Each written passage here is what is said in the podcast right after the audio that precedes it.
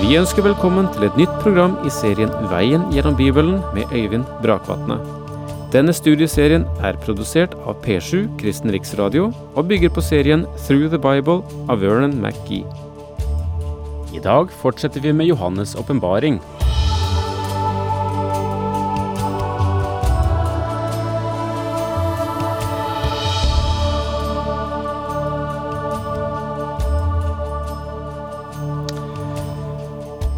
Det kan eh, nesten gå rundt for en når eh, vi har med åpenbaringsbokens perspektiver å gjøre. Eh, da kjenner jeg at jeg kommer ynkelig til kort. Og eh, det er likevel spennende å gå i tankenes og fantasienes og visjonenes verden og prøve å forestille seg hva det vil bli, det nye livet Han har lagt til rette for oss, for enhver som tror på Ham, og på den forsoning Han har gjort, og for den vei, på den vei Han har banet for oss. Vi befinner oss i det 21. kapitlet i åpenbaringsboken, og så langt som vi er kommet uh, her nå, har vi beveget oss inn i en ny æra. Det startet med det tredje verset, og eh, vi går nå i dag inn i vers seks og syv.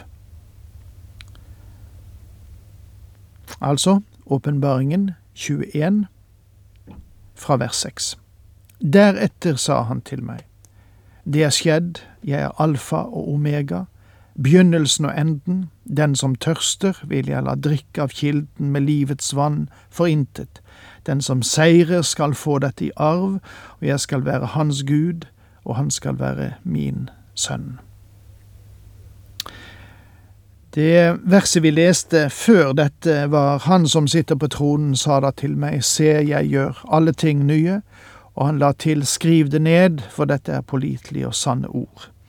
Og nå, i disse versene, identifiseres han som alfa og omega, begynnelsen og enden. Og det betyr at han som taler, er den Herre Jesus Kristus, for slik blir han også identifisert ved begynnelsen av denne boken. De troende ikledd sitt nye legeme vil tørste etter Gud og det som har med Gud å gjøre, og de skal tilfredsstilles. Den som tørster, vil jeg la drikke av kilden med livets vann for intet. I Matteus 5 vers 6 sa Jesus, salige er de som hungrer og tørster etter rettferdighet, de skal mettes. Alle de troende som er overvinnere, seierherrer på grunn av sin tro. Den som seirer skal få dette i arv. For alt som er født av Gud, seirer over verden, og det som har seiret over verden, er vår tro, som det står i første Johannes brev, kapittel fem, vers fire. Jeg skal være hans Gud, og han skal være min sønn. Alle Guds barn blir barn ved troen på Kristus. Alle som tok imot ham, dem ga han rett til å bli Guds barn, de som tror på hans navn. Johannes 1, vers 12. De arver alle ting, fordi dette var lovet Guds barn. Ånden selv vitner sammen med vår ånd og sier at vi er Guds barn. Men er vi barn, da er vi også arvinger. Vi er Guds arvinger og Kristi medarvinger. Så sant vi lider med ham, så skal vi også få del i herlighet sammen med ham. Min sønn er på gresk moi ho hyos, og dette er et meget uvanlig uttrykk. Dette er det eneste stedet i Johannes' forfatterskap der en troende sies å være en sønn hyos i forholdet til Gud. Andre steder blir andre greske ord brukt fremfor hyos. Gud er den som sier min sønn, og han sier det her. De troende i menigheten er et av Guds folk, men de er noe mer. De er Guds sønner på en unik og herlig måte. Mine kjære, nå er vi Guds barn, og det er ennå ikke blitt åpenbart hva vi skal bli. Vi vet at når Han åpenbarer seg, skal vi bli ham lik, for vi skal se ham som han er, skriver jo Johannes i 1. Johannes brev kapittel 3 vers 2.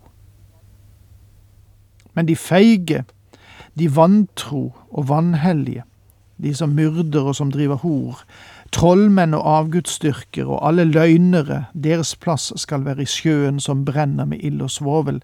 Det er den annen død. Det er flere overraskende begreper i dette verset. Først av alt at det ble skapt en ny himmel og en ny jord, hadde ingen virkning på forholdene når det gjaldt ildsjøen og de fortapte. De går inn i evigheten uendret. For det andre er det ingen muligheter for synd. Og det var det som gjorde mennesket engstelig, vantro, løgnaktig, morderisk og alt annet som er knyttet til syndens verden. Dette kan ikke bryte barrieren og trenge inn i den nye himmel og den nye jord. Synden og alt dens vesen er for alltid utestengt fra den nye skapelse. Til sist er ildsjøen evig, for den representerer den andre død. Det er ingen tredje oppstandelse, det er en evig atskillelse fra Gud. Og det er ikke noe mer fryktelig, synes jeg, og skremmende enn det. Og Så møter vi videre i dette kapitlet det nye Jerusalem, beskrivelsen av brudens evige bolig. At denne byen kommer til syne, er kvintessensen av all skjønnhet, ubegrenset glede og ren kjærlighet. Et høystemt språk brukes for å beskrive denne byen og tegne den i de skjønneste farger. Å meditere over den kommende herlighet er åndelig balsam for dem som blir trett på pilegrimsreisen her nede. Det nye Jerusalem dukker frem etter tusenårsriket for det kommer ikke til syne før ved slutten av tusenårsriket og begynnelsen av evigheten. Jeg går ut fra at Kristus hadde denne byen i tankene da han sa jeg går for å berede dere et sted. Men teppet går ikke opp for scenen med den himmelske stad før dramaet på jorden er kommet til en tilfredsstillende avslutning. Jordens sorg blir ikke stillet før den endeløse tid begynner. Det nye Jerusalem vil i evigheten være det det jordiske Jerusalem er for tusenårsriket. Det jordiske Jerusalem blir ikke borte, men får andreplass i evigheten. Rettferdigheten hersker i Jerusalem, den vil bo i det nye Jerusalem. Ufullkommenhet og opprør eksisterer til og med i det jordiske Jerusalem under tusenårsriket. Fullkommenhet og fravær av all synd vil prege den himmelske stad. På samme måte som kongens hustru, dronningen, er viktigere enn det sted der han hersker, slik overstiger det nye Jerusalem byen på jorden.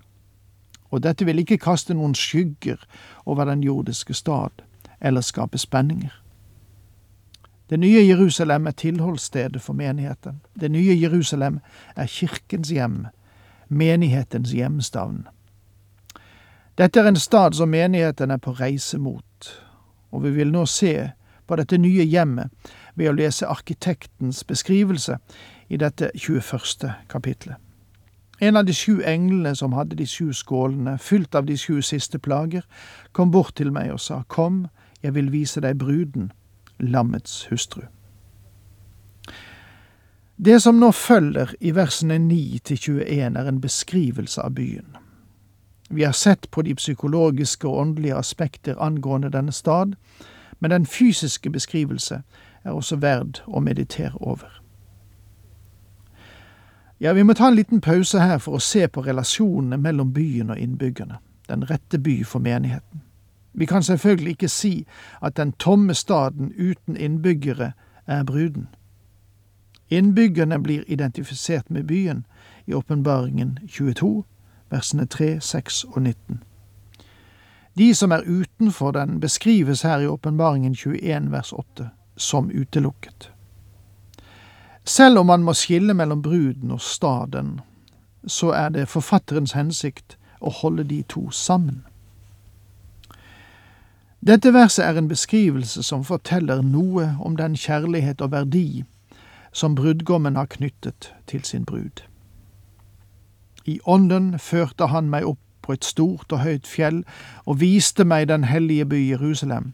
Den kom ned fra himmelen, fra Gud. Denne byen har ikke noe motstykke blant jordens byer, som er bygget på et jordisk fundament og bygges oppover. Denne byen kommer ned fra himmelen. Opprinnelsen ligger i himmelen, og byggmester er den Herre Jesus.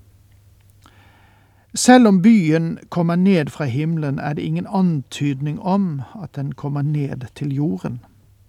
Den jordiske byen løftes aldri til himmelen, og den himmelske by kommer ikke til jorden. I så måte så er her rom for funderinger og spekulasjoner, men det vil jeg ikke gi meg inn på. Jeg bare antyder her. Det har vært visse ekstreme synspunkter i tolkningen av det nye Jerusalem. Helt fra oldkirkens tid møter vi ebionismen, en av de første kjetterier som angående det vi nå taler om, satte likhetstegn mellom det nye Jerusalem og det jordiske Jerusalem.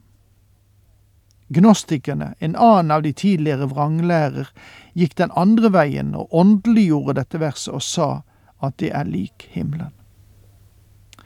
Mange moderne ismer tillemper det nye Jerusalem på seg selv og lager sine egne utgaver av det nye Jerusalem. En rekke teologer har dyttet denne staden opp i himmelen, på tross av at det uttrykkelig sies at den kommer ned fra himmelen. Da er det to slutninger vi kan trekke fra dette verset. For det første, den kommer ned fra himmelen. Og for det andre, det sies ikke at den kommer til jorden. Og dette verset i Skriften lar byen henge i rommet. Og dette er et dilemma som mange søker å komme unna. Men hvorfor ikke la den være der? Er det noe umulig å tenke seg en sivilisasjon i rommet? På en ny planet?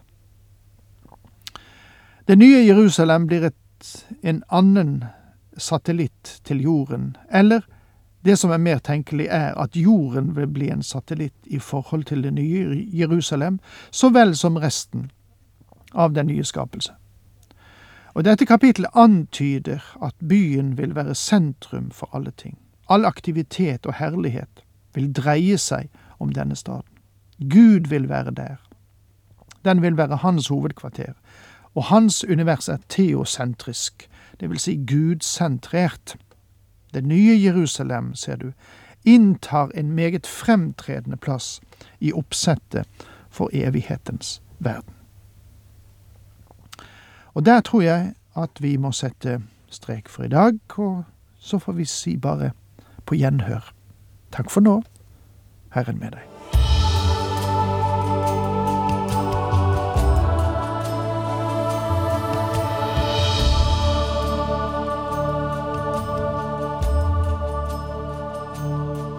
Du hørte Øyvind Brakvatne i studieserien Veien gjennom Bibelen. Serien bygger på et manus av Vern McGee.